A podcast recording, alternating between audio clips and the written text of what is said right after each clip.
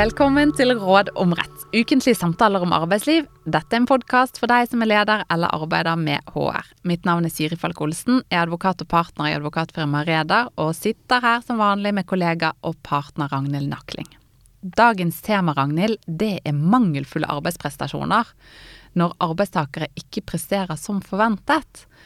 Hva er det? Når foreligger det? Og hvordan identifiserer man det? Så for å begynne så har vi et lite case. Ragnhild, du er nyutdannet HR-medarbeider i en virksomhet med flere hundre ansatte. Du kommer rest, nesten rett fra studiet, men skal likevel bistå ledere med å følge opp medarbeidere som ikke fungerer. Akkurat nå er det først og fremst to ansatte som du må konsentrere deg om. Det er en yngre selger, Nora, i prøvetid, og en litt eldre administrasjonsmedarbeider, Gunnar, som har vært ansatt i virksomheten i over 20 år. Nora er det mange vil si positiv, full av energi, og yter den innsatsen hun skal, og ønsker veldig sterkt å få det til. Men lederen sier at Nora ikke får det til. Resultatene uteblir. Gunnars leder påstår at det hos han er ganske labert med både engasjement og innsats, i tillegg til at selve leveransene de er mye dårligere enn man kunne forvente. Gunnar har en ganske selvstendig stilling, og nærmeste leder er ikke tett på. Hun har ikke gjennomført medarbeidersamtaler på flere år, heller ikke med Gunnar. Verken Nora eller Gunnar er foreløpig direkte blitt konfrontert med misnøyen, men nå er det absolutt på tide. Lederne deres har bedt deg om å bistå i prosessen. Men først må jo du finne ut om det de påstår stemmer. For hva er egentlig en mangelfull arbeidsprestasjon? Ja, det er viktig å starte der. For selv om noen av dere som lytter nå, dere bare vet at deres egne Noraer eller Gunnarer ikke presterer sånn som de skal, men dere må jo også kunne begrunne hvorfor det foreligger en mangelfull arbeidsprestasjon. At det er noe mer enn din følelse som daglig leder eller HR-medarbeider, eller disse nærmeste lederne sin følelse og oppfatning. Som sagt så må lederne gjøre det, men du som HR-medarbeider skal jo veilede dem i prosessen om hvordan disse prestasjonene skal håndteres. Og hvis man skal si det kort, så vil jeg si at en mangelfull arbeidsprestasjon foreligger når arbeidstakers innsats og eller resultater er markant dårligere enn det som kan forventes.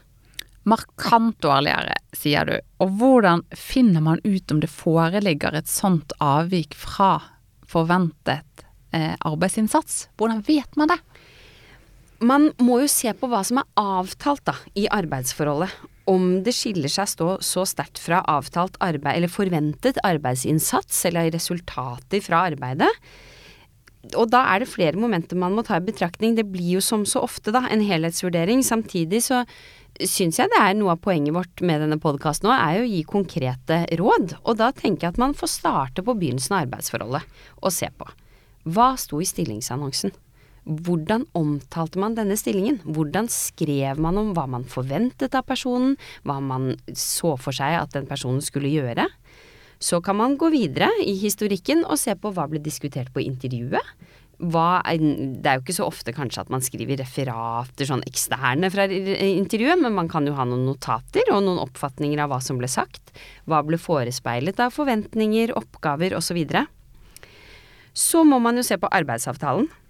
Hva er stillingstittelen? Står det noe mer info der om arbeidsoppgaver? Hva skal arbeidstaker gjøre for å få lønn?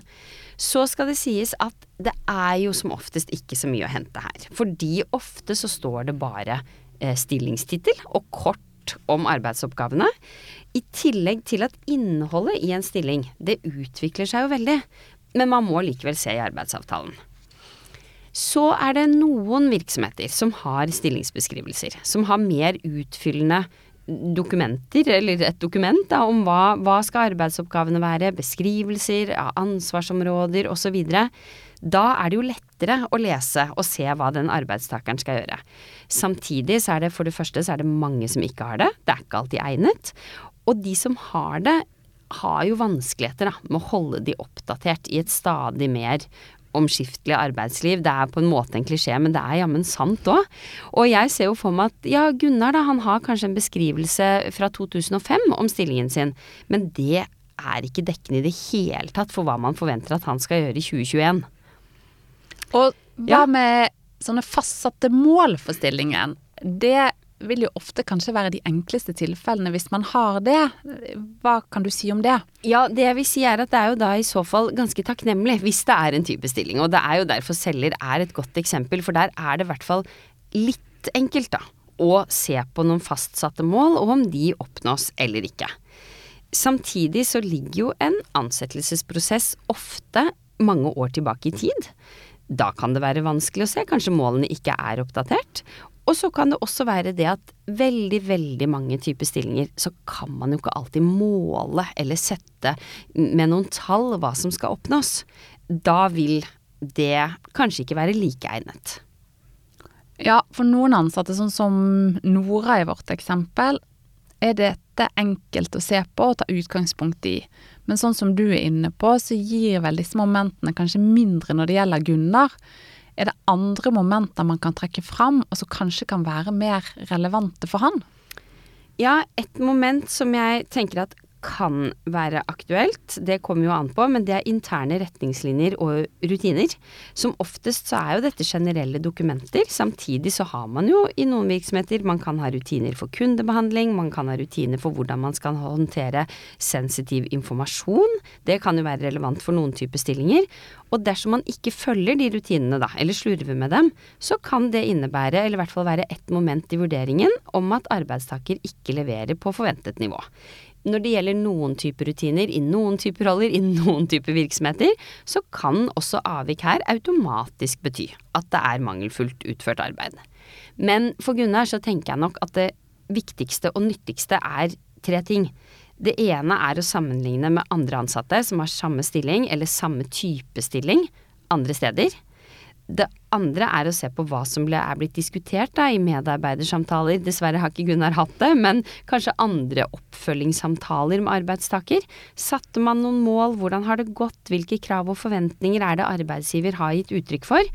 Og hvis man ikke har begynt med det, sånn som i vårt eksempel, så er tiden kommet nå. Og det tredje og siste, hva kan det være?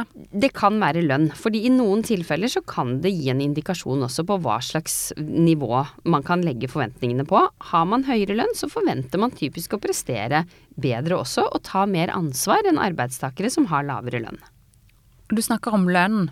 Hvis det er en ansatt som kan motta bonus som er en del av en bonusordning, kan det å se på om den ansatte bakover i tid har mottatt bonus også være et moment i denne vurderingen? Ja, det kan det. Jeg trekker litt på det, fordi på en måte så kan det selvfølgelig kan det inngå som et moment. Dette er en helhetsvurdering hvor det er mange ting som kan puttes innunder. Men og, og, hvis man har en bonus, enten ordning eller til og med kanskje en bonusavtale med konkrete mål, så kan det jo gi en indikasjon hvis man da har fått bonus jevnlig, eller på den annen side ikke fått i det hele tatt. Samtidig så tenker jeg at man bør ha i bakhodet at bonus der er formålet å gi en belønning for ekstraordinær innsats, eller ekstraordinær eh, resultatoppnåelse.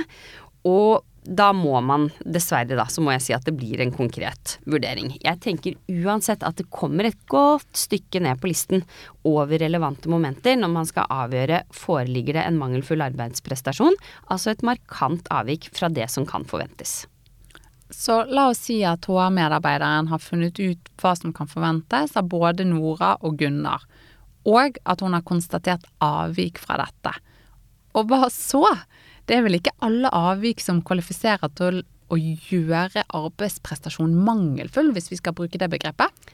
Nei, heldigvis ikke, holdt jeg på å si. Det avviket må være markant. Det må enten være markant i alvorlighetsgrad eller i utstrekning, hvor lenge det har pågått. Og det er jo ikke noe fasitsvar her. Hvor omfattende må det være, hvor varig må det være, før det er snakk om en mangelfull arbeidsprestasjon jeg syns egentlig at eksemplene våre er jo en, også et uttrykk for at man må vurdere det individuelt. Her er det ganske Det er to forskjellige situasjoner denne HR-medarbeideren står overfor. Den ene ønsker å få det til. Gjør sitt beste, yter den innsatsen hun skal, men hun oppnår ikke resultater. Den andre har vel egentlig litt fått kjøre sitt eget løp over mange år, og har kanskje også fått litt stilltiende aksept for mangelfulle arbeidsprestasjoner. Men også her er det vel noen momenter man kan ta utgangspunkt i når man skal vurdere om avvikene er så markante at man kan konstatere mangelfulle arbeidsprestasjoner. Er ikke du enig i det? Jo, absolutt. Og jeg tenker at hvis man først har slått fast at det er et avvik, og vi nå er over på å vurdere hvor markant er det, opp, når det terskelen, så må man bl.a. se på arbeidstakers forutsetninger og erfaring. Fordi hvis arbeidsgiver egentlig har tatt en sjanse, ansatt en person som kanskje ikke er helt kvalifisert, vel, i begynnelsen i hvert fall da, så må du vurdere eh, innsatsen og resultatene litt mildere. Men motsetningsvis, dersom man har en erfaren arbeidstaker, har solgt seg inn som veldig kompetent, da har man også en forventning om at den arbeidstakeren umiddelbart, eller ganske raskt, skal levere på forventet nivå.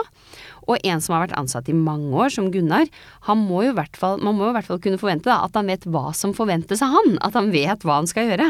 Og hvis han har kunnet levere før, så er det i utgangspunktet, må jeg selvfølgelig si, for livet byr jo på så mangt, men så er det i utgangspunktet ikke noen grunn til at han ikke skal kunne levere nå også. Og dette med hva slags type avvik det er snakk om, det tenker jeg jo også ofte vil ha noe å si, hvis man bruker begrepet avvikets karakter. Helt enig. I enkle saker så er det kanskje åpenbart at dette er altfor dårlig. Og kanskje det er noe med hvor alvorlig det avviket er, som gjør at man kan konstatere en sånn prestasjon. Men vanligvis så er det jo ikke så enkelt og greit, da. At man kan si det, at det er en mangelfull arbeidsprestasjon, for det skal jo veldig mye til før en enkeltepisode gjør at du kan krysse av for nå er det en mangelfull arbeidsprestasjon. Og så tenker jeg at et tredje moment er jo dette med varighet, ikke sant. Hvor lenge har det vart? Her, som jeg nettopp sa, så livet byr på så mangt. Eh, det kan være ting på privaten, man kan eh, ha Altså det er ulike livssituasjoner man er i, ulike faser, mye kan skje. Så det har som oftest også noe å si hvor lenge det avviket da har foregått. Og bare sånn for å være tydelig på det, når vi snakker om i denne episoden om dette med mangelfulle arbeidsprestasjoner, så snakker vi jo om det ut ifra at for å eh, konstatere at det foreligger en mangelfull arbeidsprestasjon, da er det en såpass alvorlig situasjon at man skal kunne gjøre noe som arbeidsgiver. Er ikke du enig i det? Jeg er helt enig. Du har sagt litt om forhold som knytter seg mest til arbeidstaker. Men hvilke forhold på arbeidsgivers side kan ha betydning i denne vurderingen av om en arbeidstaker presterer på forventet nivå? Hvor er det HR-medarbeideren først og fremst kan gjøre en forskjell i saken vår? Ja, det er egentlig på flere områder. Arbeidstakeren må ha fått tilstrekkelig opplæring, må ha fått tilstrekkelig veiledning sånn at man skal kunne fylle stillingen på tilfredsstillende vis. Tariffavtaler inneholder egentlig ofte relevante bestemmelser, men du har også arbeidsmiljøloven paragraf 4-2 som jeg ikke går veldig detaljert inn på nå, men den setter jo krav til tilrettelegging, medvirkning, utvikling for arbeidstakere. Så er det også sånn at arbeidstakere som har jobbet en god stund, de bør jo ha fått nødvendig oppfølging, og kanskje det også er nødvendig med etteropplæring, etterutdanning, hvis det er en forutsetning for å kunne fortsette å prestere da, på forventet nivå. Hvis man ikke har fått noe sånn overhodet, det er selvfølgelig umulig å gi en hovedregel for hvor mye det skal være og hvordan, men da er det i hvert fall vanskeligere da, å si at avviket er tilstrekkelig markant. Altså, sånn som Gunnar i eksempelet vårt, hvis han ikke har fått noen form for opplæring, muligheter etter etterutdanning osv. Man har rett og slett glemt han. Mm. Kan det bety at man da ikke kan konstatere mangelfulle arbeidsprestasjoner? Ja, det kan i hvert fall være et moment i vurderingen, da. Eh, absolutt, jeg er helt enig. Og, og, også en av ting som arbeidsgiver må ta hovedansvaret for, eh, så er det dette med at man må jo kommunisere. Mål, ansvarsområder til arbeidstaker, vet arbeidstaker hva som kan forventes, og ikke minst kan man dokumentere at arbeidstakeren vet det.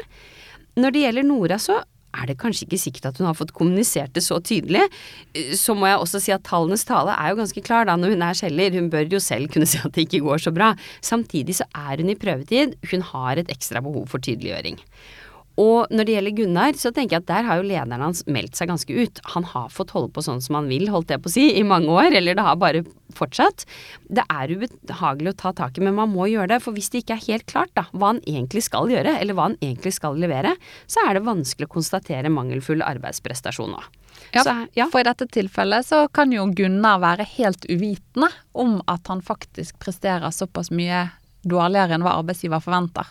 Ja, jeg forventer jo egentlig at HR-medarbeideren og Gunnars nærmeste leder vil møte en ganske stor grad av overraskelse når han blir konfrontert med at dette er ikke godt nok. Men det må de gjøre nå.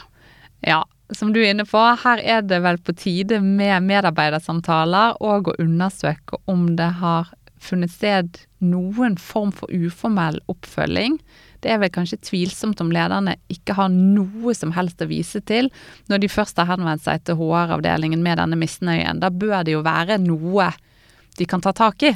Ja, jeg tenker det. Jeg tenker at de har nok signalisert dette på litt forskjellig vis. Og det kan jo være greit å ikke miste helt av syne, selv om vi nå har snakket om hva arbeidsgiver skal gjøre. Så er det jo sånn at til tross for at oppfølgingen her ikke har vært optimal, og til tross for at arbeidsgiver har tilretteleggingsplikt, ansvar for å kommunisere forventninger, så ligger jo ansvaret for å gjøre jobben sin sånn man skal, da. Den ligger jo på arbeidstaker i første rekke. Helt enig, og det er viktig å ikke miste det poenget av syne. Men da vet HR-medarbeideren vår i hvert fall hvordan hun skal identifisere mangelfulle arbeidsprestasjoner, og kan vel sannsynligvis konstatere at Nora og Gunnars ledere har rett.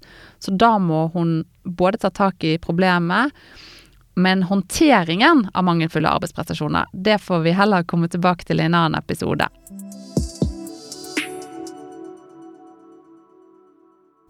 Så før vi avslutter, Ragnhild, tre ting man som arbeidsgiver må tenke på når man skal finne ut av om en arbeidstaker presterer mangelfullt eller ikke. Det ene er å se på hva slags arbeidsytelse, hva slags innsats, hva slags resultat som er avtalt for stillingen, og bruke de momentene jeg var inne på. Det er mye mer enn bare det som står i arbeidsavtalen og en, i en eventuell stillingsbeskrivelse. Og når du har avklart hva som er avtalt, så må du vurdere om avviket er såpass markant at det går utenfor det man som arbeidsgiver må akseptere som slingringsmonn hos alle ansatte. Og det tredje tingen man må ha i mente, det er ta tak, gjør det nå. Det var det vi hadde. Takk for i dag. Vi kommer tilbake med nytt tema og nye tips i neste episode.